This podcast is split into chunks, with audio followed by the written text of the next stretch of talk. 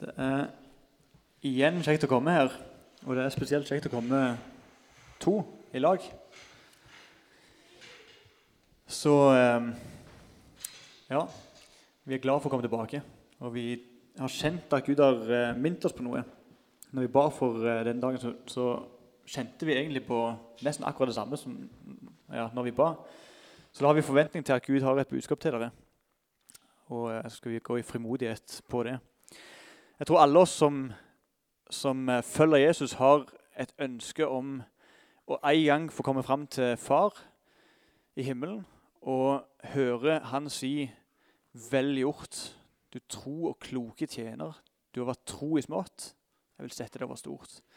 Vel gjort, du tro og kloke tjener. Du har vært tro i smått. Jeg vil sette det over stort. Jeg kjenner en lengsel etter å høre det, og en lengsel da etter å være tro i det som Gud har gitt meg. Eh, å være trofast mot det som han, han, har gitt meg. Og Vi vet at det er lett å være tro når ting går godt.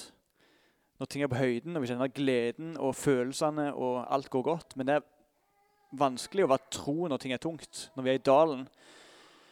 Når eh, ting stritter imot, og når ting ikke går sånn som vi hadde kjent, og når Gud kjennes fjern.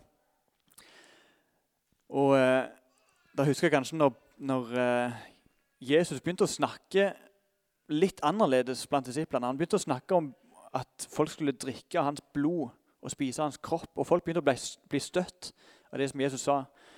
Og des, Noen av disiplene kjente på at det ikke er det samme nå sånn som det var i begynnelsen. Følelsene er ikke like mye til stede nå sånn som de var i begynnelsen. Og det begynte å bli vanskelig å følge Jesus, så noen begynte å forlate han. Og Så snur Jesus seg til disiplene og sier han, 'Vil dere òg forlate meg?' Og så sier den ene disippelen, Peter, hvem skal vi gå til? Hvor skal vi gå hvis vi forlater det? Vi har gitt opp alt for å følge. Hvor skal vi gå til?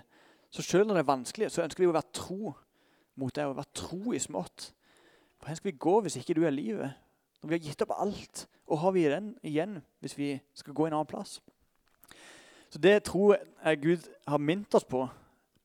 Vær tro i smått. Vær tro i det som Gud har gitt deg. Så vil han sette det over stort, sånn at du kan høre han si 'vel gjort'. Du er en tro og klok tjener. Du har tro i smått. Noen av dere har, har hørt eh, Life Shapes. Vi har no, noen redskap som vi bruker en del eh, hjemme på Bryne. Og Det ene er en halvsirkel som er ut ifra Johannes 15 om vintreet. Dere har hørt om vintreet.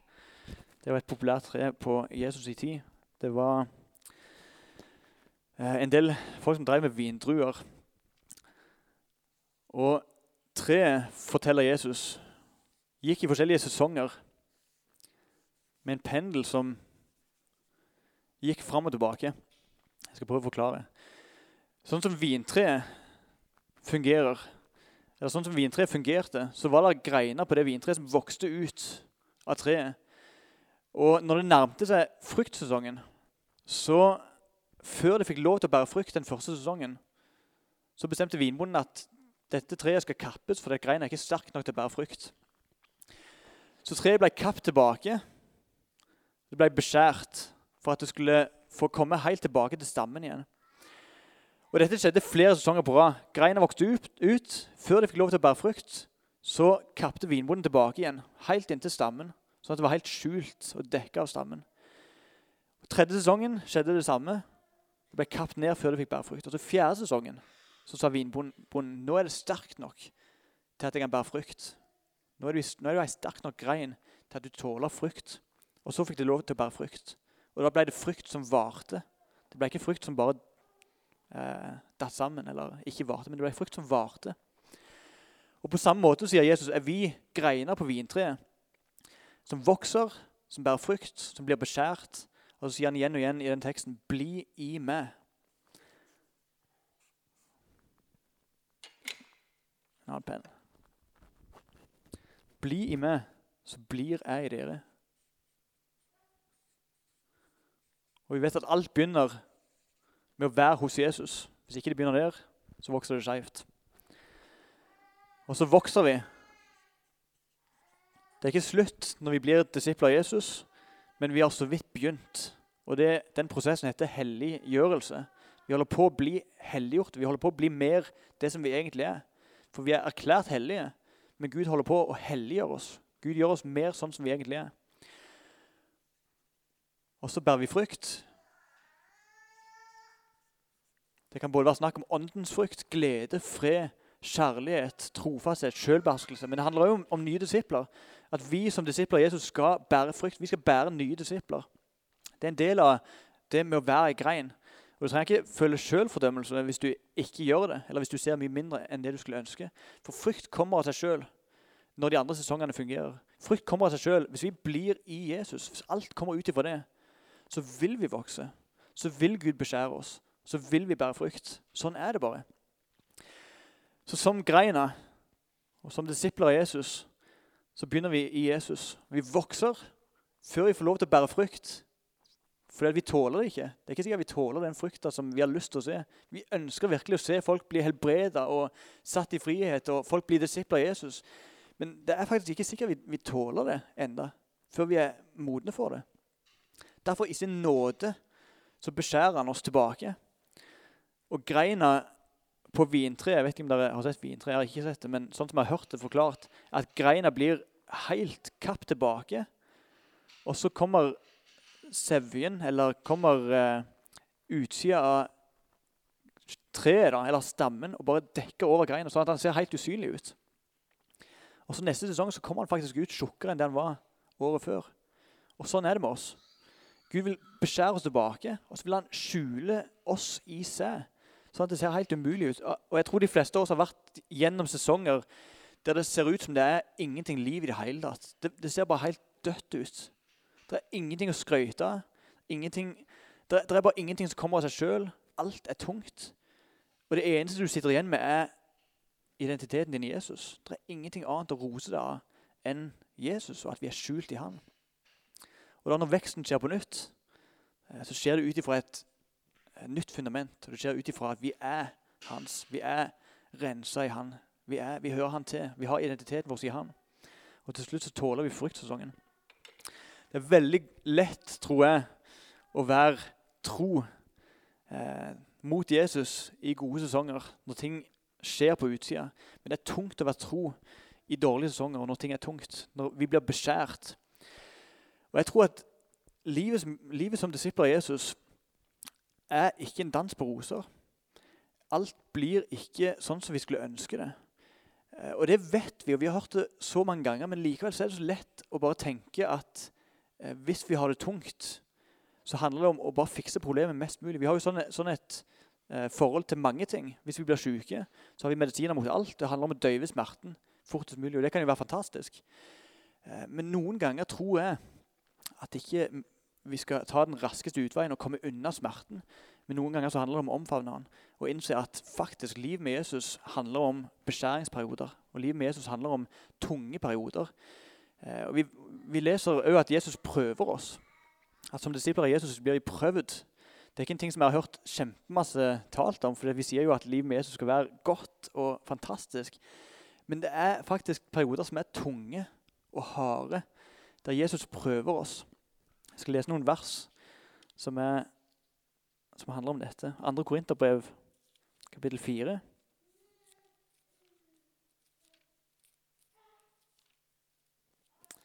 Og vers 16-18. Derfor mister vi ikke motet, for selv om vårt ytre menneske går til grunne, blir vårt indre menneske fornyet dag for dag. De trengslene vi nå må bære, er lette, og de skaper for oss en evig rikdom av herlighet som veier uendelig mye mer. Vi har ikke det synlige for øyet, men det usynlige. For det synlige tar slutt, og det usynlige er evig. Så de trengslene som vi skal bære, de er lette og de er jo ikke lette, de er tunge. Men i forhold til det som kommer, så er de lette. Så det skal være perspektivet vårt. Så står det i 1. Peter kapittel 1. Hva er de bøkene som er vanskelig å finne? Vers 6-9. Derfor kan dere juble av glede selv om dere nå en kort tid, om så må være, har det tungt i mange slags prøvelser. Slik blir troen deres prøvet. Selv forgjengelig gull blir prøva i ild, Troen som er så mye mer verdt, må også prøves, så den kan bli til pris og herlighet og ære for dere når Jesus Kristus åpenbarer seg. Ham elsker dere, enda dere ikke har sett ham. Ham tror dere på, enda dere nå ikke ser ham. Og dere jubler og er fullt av en glede så herlig at den ikke kan rommes i ord. For dere når troens mål, frelse for deres sjeler. Og siste i Hebreerne, kapittel 12. Derfor, når vi har så stor en sky av vitner omkring oss, så la oss legge av alt som tynger, og synden som så lett fanger oss inn, og med utholdenhet fullføre det løpet som ligger foran oss. Med blikket festa på ham som var troens opphavsmann og fullender, Jesus. For å få den gleden han hadde i vente, holdt han ut på korset uten å bry seg om skammen. Og nå har han satt seg på høyre side av Guds trone. Ja, tenk på ham som holdt ut en slik motstand fra syndere, så dere ikke blir trøtte og motløse. I kampen mot synden har dere ennå ikke gjort slik motstand at det koster blod. Har dere glemt den formaningen som taler til dere som, som til barn? Min sønn, forakt ikke når Herren irettesetter. Mist ikke motet når han refser. For den Herren elsker, viser han til rette, og han straffer hver sønn han tar seg av. Hold ut og la dere oppdra, for Gud tar seg av dere som sønner. Ja, la, la meg få se den sønnen som faren ikke viser til rette. Hvis dere ikke blir vist det rette som alle andre, er dere ikke sønner, men uekte barn. Vi har hatt våre jordiske fedre som oppdro oss, og vi hadde respekt for dem. Har vi ikke mye større grunn til å bøye oss under åndenes far, så vi kan vinne, vinne livet?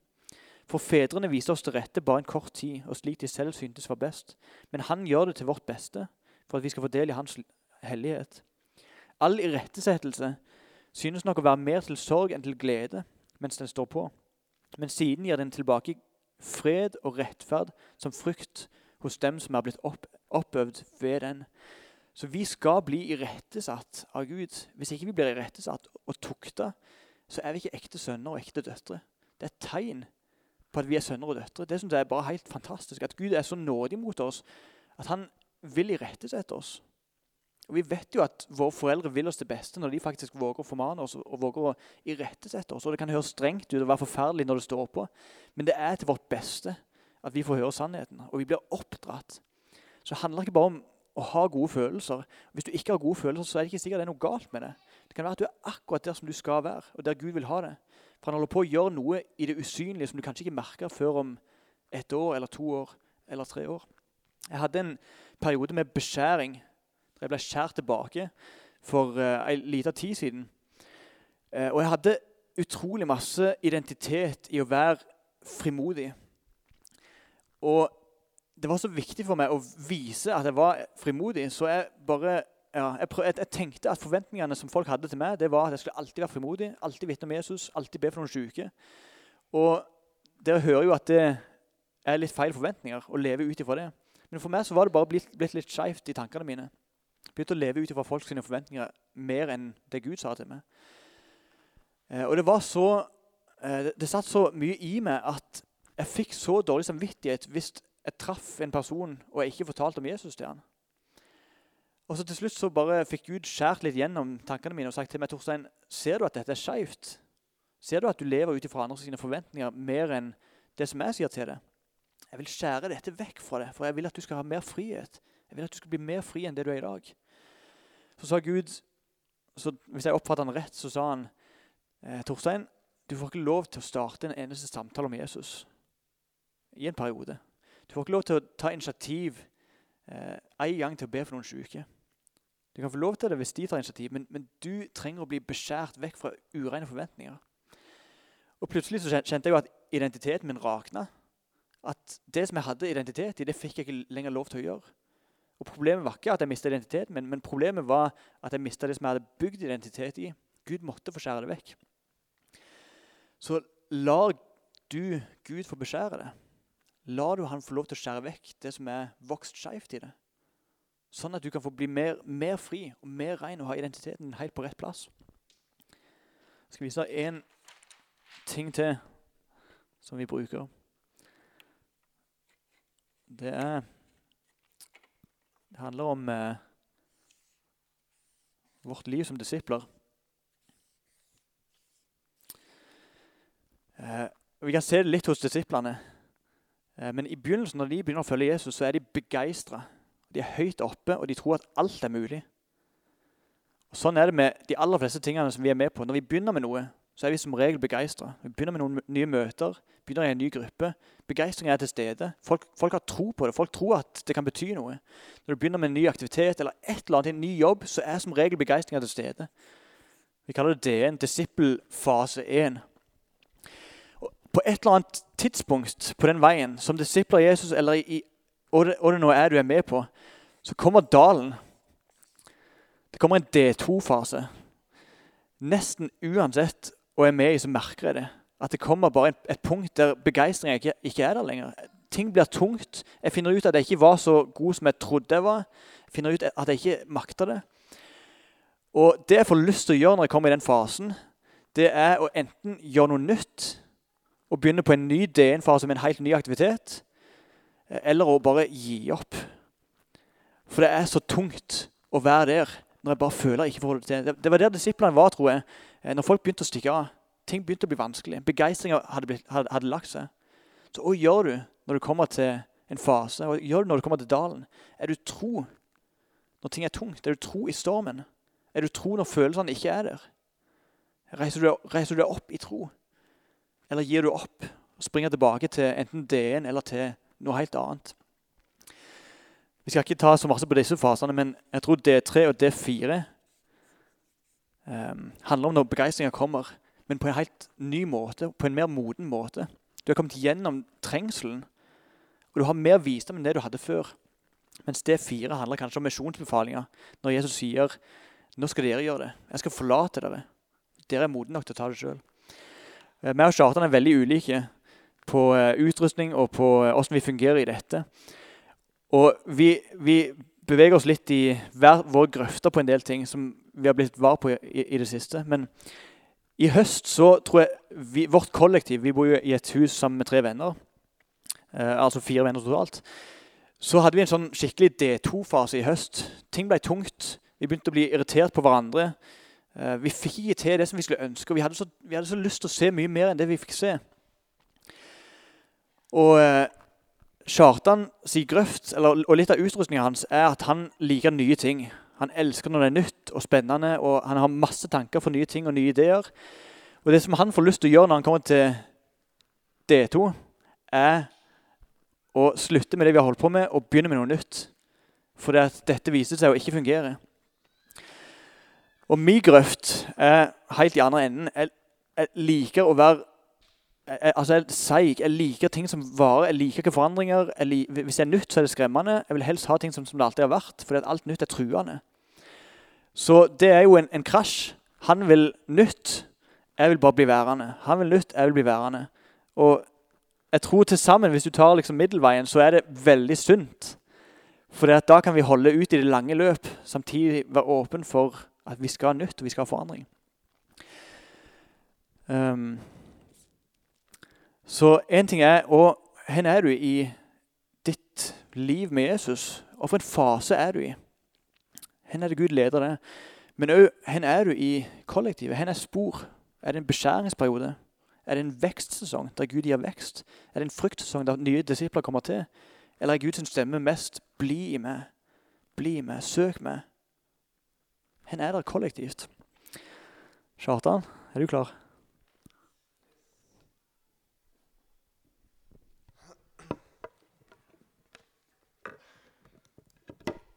Ja, um, skal vi se Det um, Jeg tror uh, Jeg syns denne her er så vanvittig bra, fordi jeg føler det er så utrolig stor hjelp i forhold til dette med å være trofast. Um, jeg har vært her vanvittig mange ganger, så har jeg hoppet av. Eller uh, funnet på noe nytt, sånn som Torstein sier.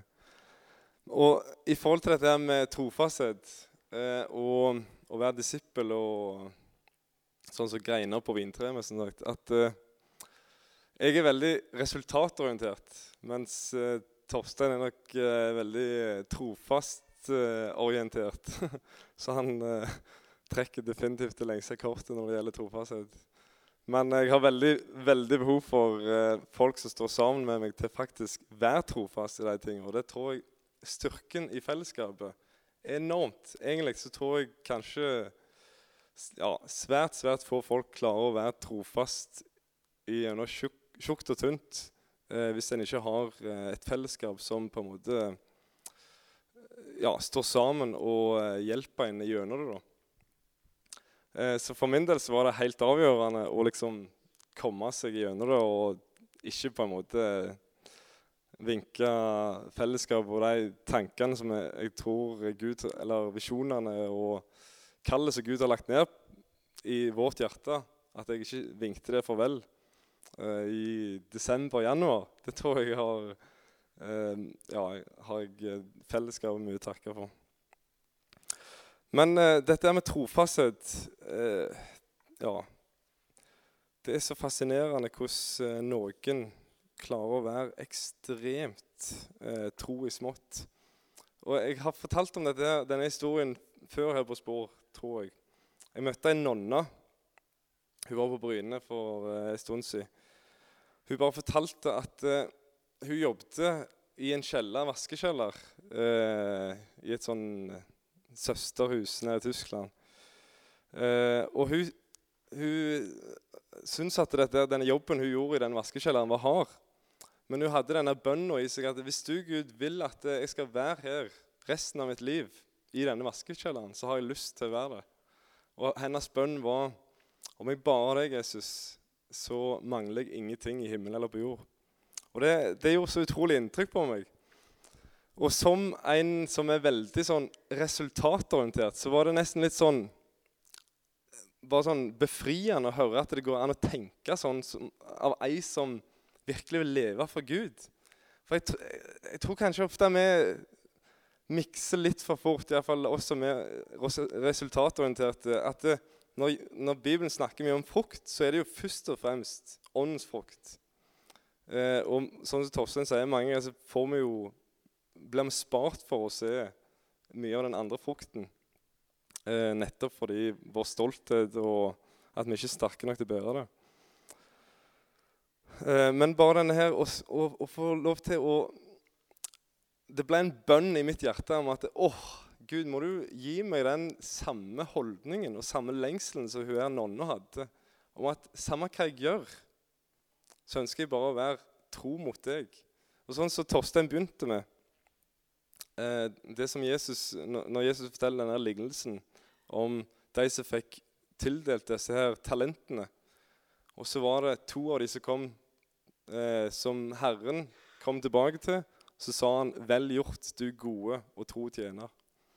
Eh, og Han ene hadde fått eh, fem talenter mer, og han andre hadde bare fått to talenter mer. Men begge to fikk den eh, 'Vel gjort, du gode tro tjener'. Så tenker jeg liksom Fordi jeg Av og til så kan jeg bli litt sånn, sånn Jeg føler at jeg står og spinner, spinner. Jeg vil, jeg vil, jeg vil, men jeg får det ikke, får det ikke til alltid. Men så er det liksom Hva er det jeg egentlig vil? Jo, altså, det jeg egentlig vil, det er å være tro mot Gud. Det er ingenting annet som Det, det betyr egentlig ingenting om Gud gir meg én talent, eller to talenter, eller fem talenter.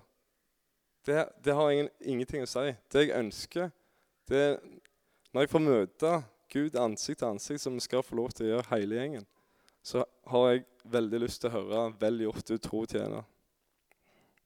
Um, og så er det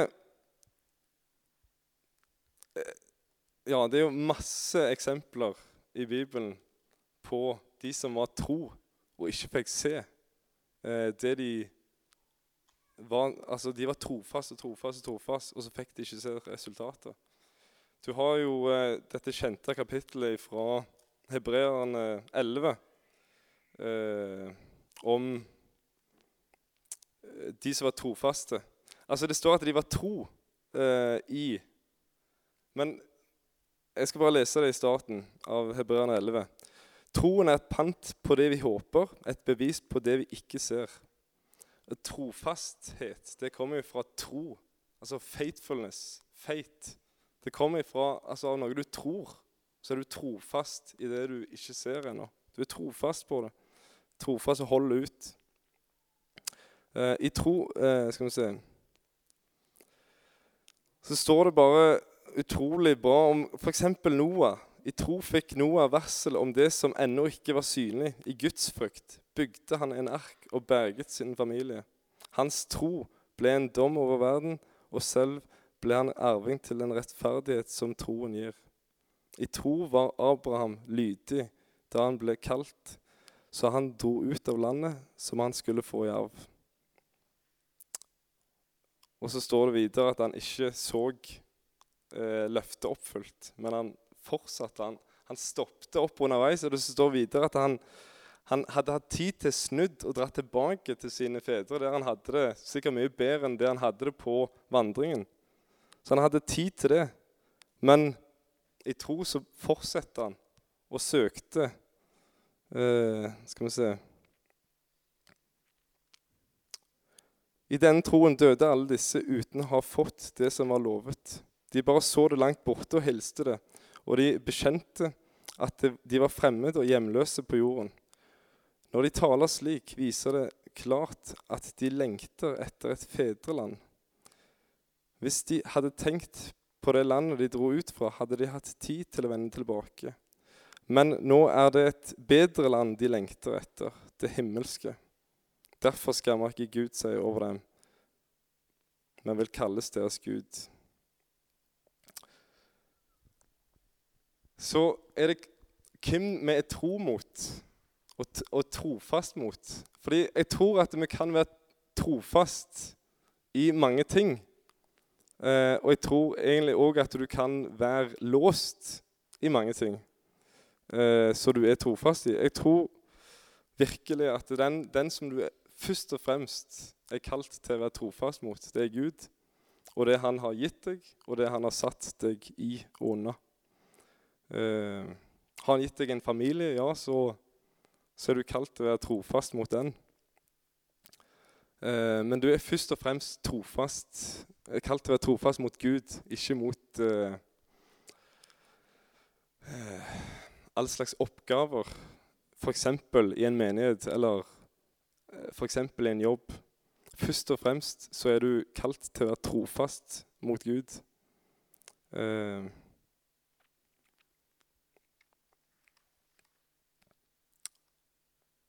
Og så er det på denne veien så er det, har vi veldig lyst til eh, Veien med Gud så har vi veldig lyst på snarveier ofte.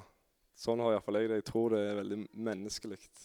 At vi har lyst på vi har lyst til på frukt eh, der vi ikke OK, nå ringer klokka. Jeg Er god? Snart eh, avslutning. Eh, jeg har tre minutter igjen. OK. Vi har lyst på frukt, og vi har lyst til å høste der vi ikke har verken sådd eller eh, vanna. Men vi er kalt til å være trofaste i, i smått. Eh, og gjør ting gjør alt, La alt det dere gjør, gjør det for Herren, står det.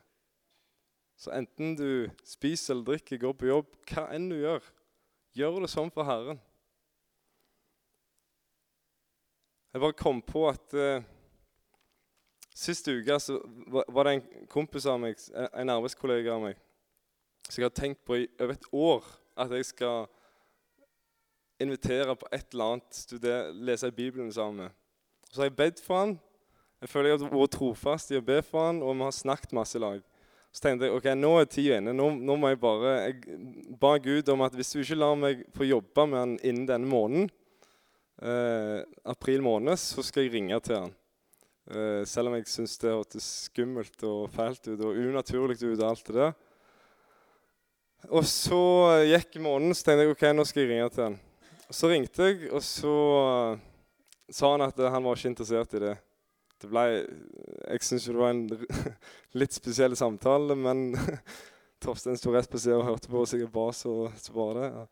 Men etter den så tenkte jeg liksom sånn ah, Jeg ble litt skuffa. Over et år hadde jeg liksom bedt, bedt for han og så eh, tenkt på dette, at jeg skulle be han om det. da. Eh, han hadde gitt uttrykk for at han var interessert i Bibelen. og litt sånn så kjente jeg bare på Hvorfor kjenner jeg på denne skuffelsen inni meg, tenkte jeg. så det jeg følte etterpå, det var at eh, vet du hva, det har ingenting å si hva han svarte egentlig. Fordi jeg kjente at dette var noe jeg skulle gjøre. Og jeg var trofast mot det, og jeg gjorde det. Og jeg aner ikke hva Gud gjør i han nå og seinere. Bare det at han faktisk fikk spørsmålet, må jo ha gjort noe med han, tenker jeg. Altså, Samme resultat. Jeg ønsker å være trofast mot Gud uansett avkastning. Og det tror jeg bare at vi skal prøve liksom, ønske å be Gud. Jesus, om jeg bare har deg, Jesus, så er jeg alltid himmel eller på jord. Eller himmel og jord. Uansett frukt, uansett hvordan livet blir. Så vil jeg bare lese helt til slutt. Etter det som Torstein leste i Hebreerne 12, så leste han jo en del vers etterpå om irettesettelse eh, og hvordan Gud eh, lærer oss og tukter oss, så står det Derfor styrk de slappe hendene og de vaklende knær. La føttene, og, eh, la føttene gå rett fram på veien så det halte ikke blir vridd ut av ledd, men heller blir helbredet. Så vi bare kjenner på dette her. Mist ikke motet. Fortsatt, fortsett med det du står i. Vær sterk, og gled deg over at du skal få lov til å faktisk tjene Gud. En dag så skal du få lov til å se frukter.